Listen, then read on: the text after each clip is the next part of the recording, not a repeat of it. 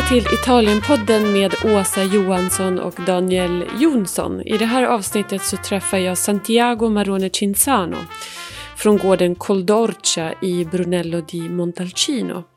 Eh, Santiago är i 20-årsåldern och har precis kommit in i företaget och det är han som kommer att ta över efter sin pappa, greve Francesco Marone Cinzano. Men hur är det egentligen när man ska ta över en vingård?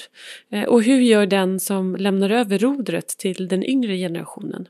Det här och mycket annat får ni veta i den här intervjun med Santiago från gården Col Dolce. Ciao ciao!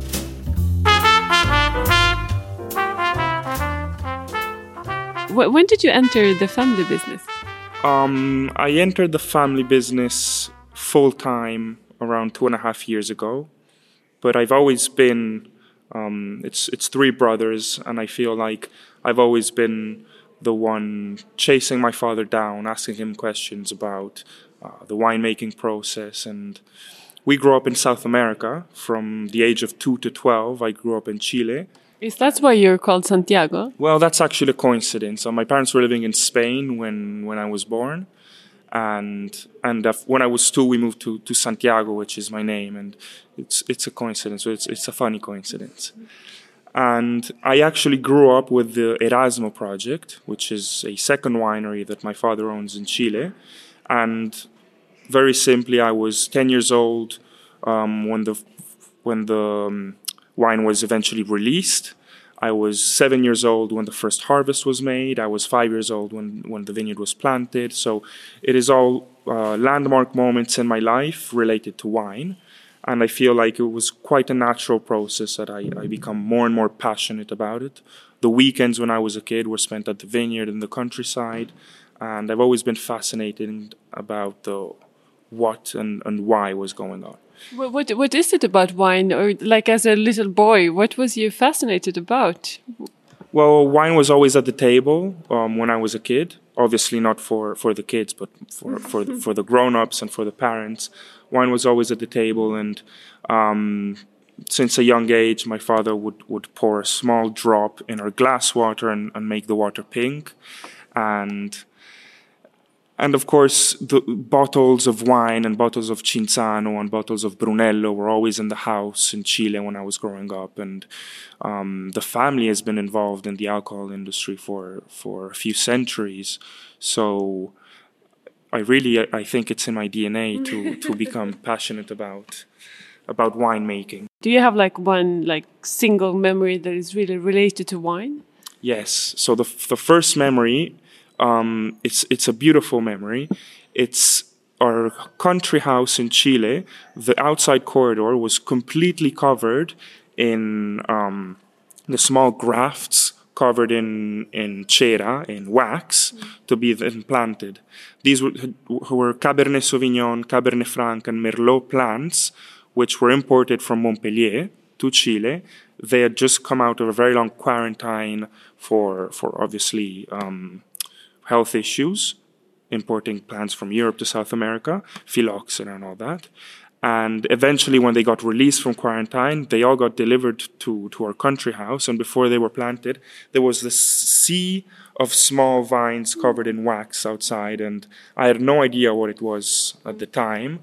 And then eventually, that's what became the Erasmo Vineyard. So so I, I saw that happen, and that was was extremely fascinating. Like small babies all over the place. Exactly, like small babies, yeah. small Cabernet and Merlot babies. Yes. And what did you, you you have two brothers, right? Yes. And what do they do? So I have an older brother who lives in Torino. Um, he is he is an astrophysicist by by formation, so he studied astrophysics. He's the smart guy in the family. Exactly, he's definitely the more pragmatic and mathematic of of the sons. Um, and then I have a younger sister who lives lived in Holland for a few years, and now she's in London studying criminology. Oh wow! So both uh, relatively different paths to wine. Although my brother is now um, gradually starting to become more and more interested in Col d'Orcia. Mm. And what is he interested about? Well, I think it's it's good that he's interesting because we are we are very different people and we compensate each other very well. and I enjoy doing everything that he hates. So, for So example, what is that? um, I like sales. I like being in contact with the final consumer. I like telling the stories about the wine, and and I, re- I really like being the face of of the company. Um, I feel like my brother is definitely more pragmatic. He's better with numbers. Um, he's more organized than me, and um, he told me a f- few months ago that if I would sell and be the face of the company, he would keep the the balance sheet in order. and I think that's that's the best team we can form together. But was there uh, was there pressure on you to take over the uh, the winery, or how did they like tell you? Oftentimes, I get asked if I was pressured or um, if my father expected one of his sons to join the wine industry, and it that could not be farther from the truth. Actually, um, me, my brother, and my sister, I think we all three of us grew up with the thought that my father didn't really want us, or not want us, but um, he didn't expect us to join the wine industry. So he really never mentioned it or put pressure in any way. Um, to go into the cellar and to go to the vineyards, um, we sons and daughters had to be proactive in in asking my father to bring us there. Do you think that was like a thought from his I side? think, I think it was um, is, i exactly for the reason that he didn't want us to feel pressured to eventually get into the wine industry. And when I was in boarding school, I called him up. I was I was doing all the paperwork to go to university, and I was very happy to tell him that I wanted to study enology. And to my surprise, he said, "No, I don't think it's a good idea." And I remember this quote, which is not entirely true, but it, it, it gets across what he wanted to tell me. And he told me, making wine is easy, selling wine is difficult. So if you want to help me one day, I would prefer if you studied business. So I went on to study business management. Um, I went to Exeter University in the south of England, which were very good at helping me find a job by the time I graduated. So I moved to Zurich. I worked in a bank for a year. How was that? Did you like that? Well, that was 13 hours a day in front of Excel. So Oh my it was it was an office job as as office jobs as they get. So um, different compared to being in the countryside and getting your hands dirty every day. So after almost a year in the bank, um, before Christmas, I called my father and I I externated my desire to to for wine and my desire to eventually join the wine industry. And he said, if you go to Chile in January, so just after Christmas, take a flight to Chile, spend seven months there, do the harvest, which is of course in March, um, do the fermentations, learn how to make wine, and when you finish malolactic fermentations, you can come back to Italy. So I went to Chile. Um, it was a fantastic experience. I made my own wine. The moment I got there, a French biodynamic consultant came to visit us, and he fell in love with a Mourvedre vineyard, and he said this would be perfect for rosé. And he stayed there for three days, and then he left. After he left, I called the cellar manager and the agronomist, and I asked them because I wanted to learn what should we do to make a rosé with this vineyard. So eventually, we harvested it quite early, so with good acidity, not too high alcohol. Um, we did a fermentation at low temperatures to, to preserve all the aromas. And I pr- produced the Erasmo Rosé, which is now selling in Canada and the US, and we've renewed and up to the bottles every vintage. Oh, that's a great satisfaction. It's a beautiful satisfaction. My father gave me the, the chance to write my name on the back label, so so it's it's by all means my wine, and I'm and very very happy about that. And after seven months in Chile, I came back to Europe, and it was harvest time again for uh, for Col d'Orcia. Kind of put you to work, didn't he? Yeah, so it was, it was two harvests in in the cellar mainly in Chile and then in Montalcino. This was 2017. So yeah, no, it's been about two years and a half that I've been in in Montalcino, and more and more now I'm starting to take care of the um, of the commercial side, which for for the way I am and, and what my strengths are is definitely where I give my best is is traveling and um, telling the stories about the wine we make. which challenges because you're like your generation how, how old are you I'm 25.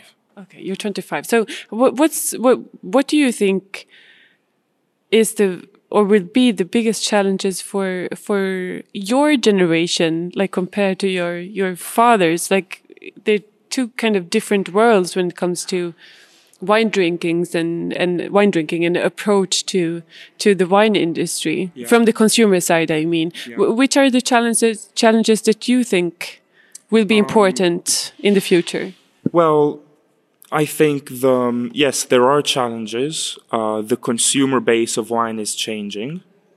Um, today, the people who are buying and drinking Brunello are probably completely different part of, of the population pyramid compared to the people who were buying and drinking Brunellos in the 80s or even in the 90s. Um, the target markets today, which more and more are, are millennials, um, are much more sensitive to brand reputation, um, are more sensitive to the um, to the um, yeah to the reputation of a brand, to the brand image um, on the market. Of course, there, there's a lot of different aspects, um, and there there must be a balance, a good balance between uh, the new but maintaining the the tradition. So, a very quick example that comes to mind was soon as I joined Col d'Orcia two and a half years ago, I I got here and I said, okay, we need to start selling wine on the internet, and we need the Col d'Orcia coldorciashop.com, and people need to order wine all over the world and get it to their homes.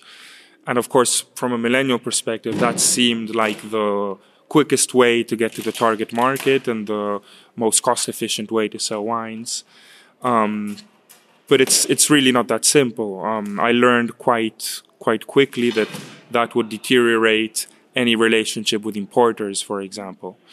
Um, brand wise, in the same way, um, it's always good to to renew the brand and to make the brand um, young, maybe. But in Brunello, we live through tradition, we live through historicity, so it is it is definitely challenging to find a good balance between what you want to keep, which is a lot, and what you want to change or make new, which probably isn't a lot, but it has to done uh, really well, both brand wise and in terms of what channels you penetrate. So I think it's an ongoing process of of learning how uh, millennials perceive wine, wine and how they buy wine to be able to um, and what do you think about social media how important will social media be for your winery in the future Um, social media is extremely important um, for brands, um, not just wine brands, of course, uh, for branding in general. Um, but again, social media is something that has to be used, in my opinion, extremely well. Um, nowadays, we have um, Facebook and, and Instagram pages for pretty much any brand or any company or even your corner shop today has a Facebook page or an Instagram page. And when you're talking about wine brands who have for in most cases, in a lot of cases, for over 100 years, have done some form of communication. Um, using Instagram and Facebook and maintaining the same brand image is is not easy. Um, if you look at very high level luxury brands, um, few of them have started approaching Instagram just recently. Um, I'm thinking, for example, about Patek Philippe and Hermes. They they manage um, the their Instagram pages quite unconventionally, um, in a very interactive manner. So there's a lot of science behind that as well. yeah it's, it's not something you do like this It's not something that you, you do like that, and it it could also be um, like hit back on you in a negative way if you don't do could- it right exactly. So it, it could it could um, it could have a negative effect if, say, you set up an Instagram page and then you don't really use it Mm. and you don't really answer to to the messages and it's just there for for image.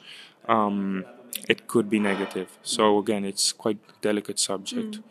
how do you live with the pressure of like having a winery and family name since centuries? Is that something that you think about, or, or is it just like natural to you? Um, no, it's definitely something I think about. It's um, I wouldn't say I feel uh, much pressure as much as uh, big responsibility. Um, my brother, my sister, although they are not involved in, in the everyday life of Col d'Orcia at the moment, I by all means I still consider part part of the team. So it is um, it is a family business, and it will it will always be a family business. And there are many different aspects to take care of, but there is also many different um, qualities that me, my brother, and my sister have, and Col d'Orcia has a good reputation on the market. Um, me and my brother have, have spoken a few times about where we see it going in the future. Um, we have, for the most part, the same ideas, and and I think there's actually more more excitement and curiosity to see how it will play out than than pressure. So I think it's a good thing. And what's the what's the most positive and less positive to work with your family members. Like i could sorry mom but i could like work with my mom for like three days and then i would have to like close the company. So i'm very i, I admire highly like the family companies that manage to resist in in time. I think the the the worst and best part are are pretty much the same thing. So the best the best part is the fact that um, it's part of you. So whenever you have a good result, you really feel it. You feel it inside. You feel it in the heart. You feel pride.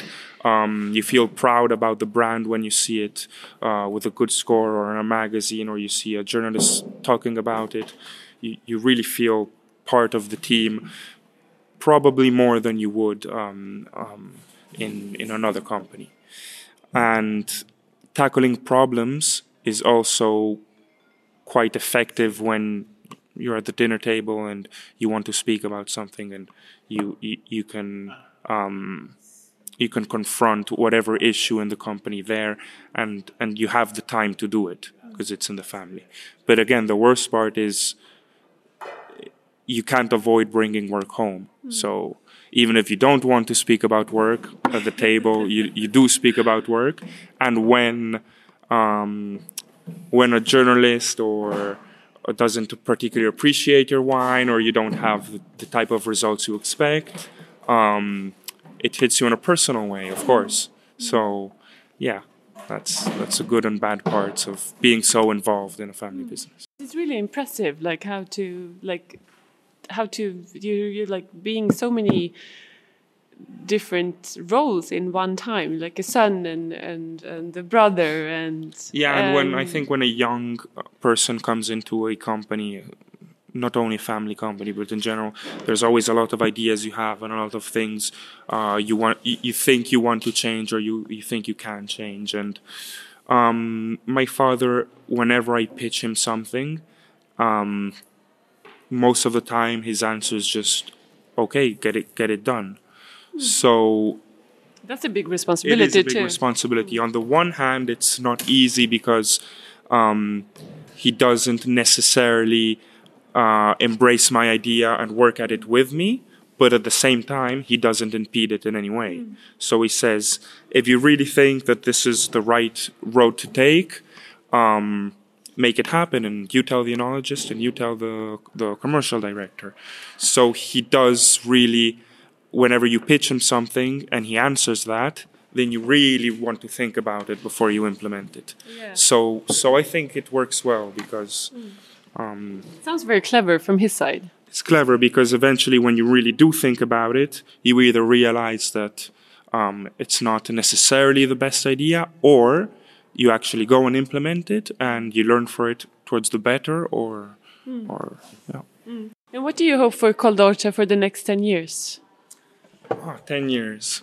Um, it goes fast, you know. It goes it goes very fast. Yes. So I think we well first of all we are um, going to keep going down our road of um, sustainability, which of course um, includes the organic certification and the biodynamic practices in the vineyard, but it also includes everything that is not Sangiovese.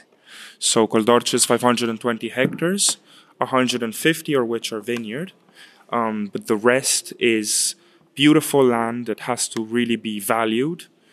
In Montalcino, of course, um, Sangiovese is king, Brunello is king, and understandably, oftentimes there is the the feeling that um, Sangiovese is the only means of income in Montalcino, and I completely understand that. But given the opportunity as we have in Col d'Orcia, we need to give value to everything else. So we are producing our own honey now, our own olive oil, of course, but we're doing projects with organic tobaccos. We are doing projects with organic spelt.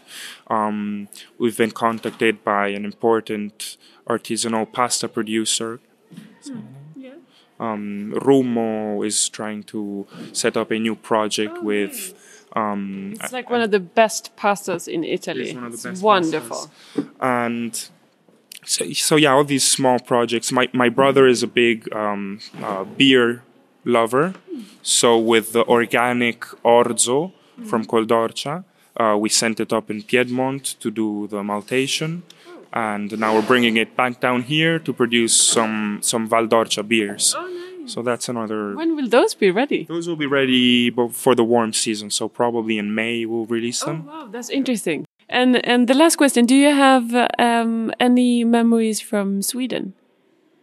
Did you go to Sweden? I've never been to Sweden. Oh, no, we have to come. We have to invite you. Someone, had, I invite you. on my part to. Yeah, because and- we love your wines. I know, and um, my father loves Sweden very much. So whenever there is a Systembolaget event or an, a big wine tasting in Stockholm, um, he will not miss the opportunity to go. and and I get the feeling that it's one of his favorite trips to go to Sweden.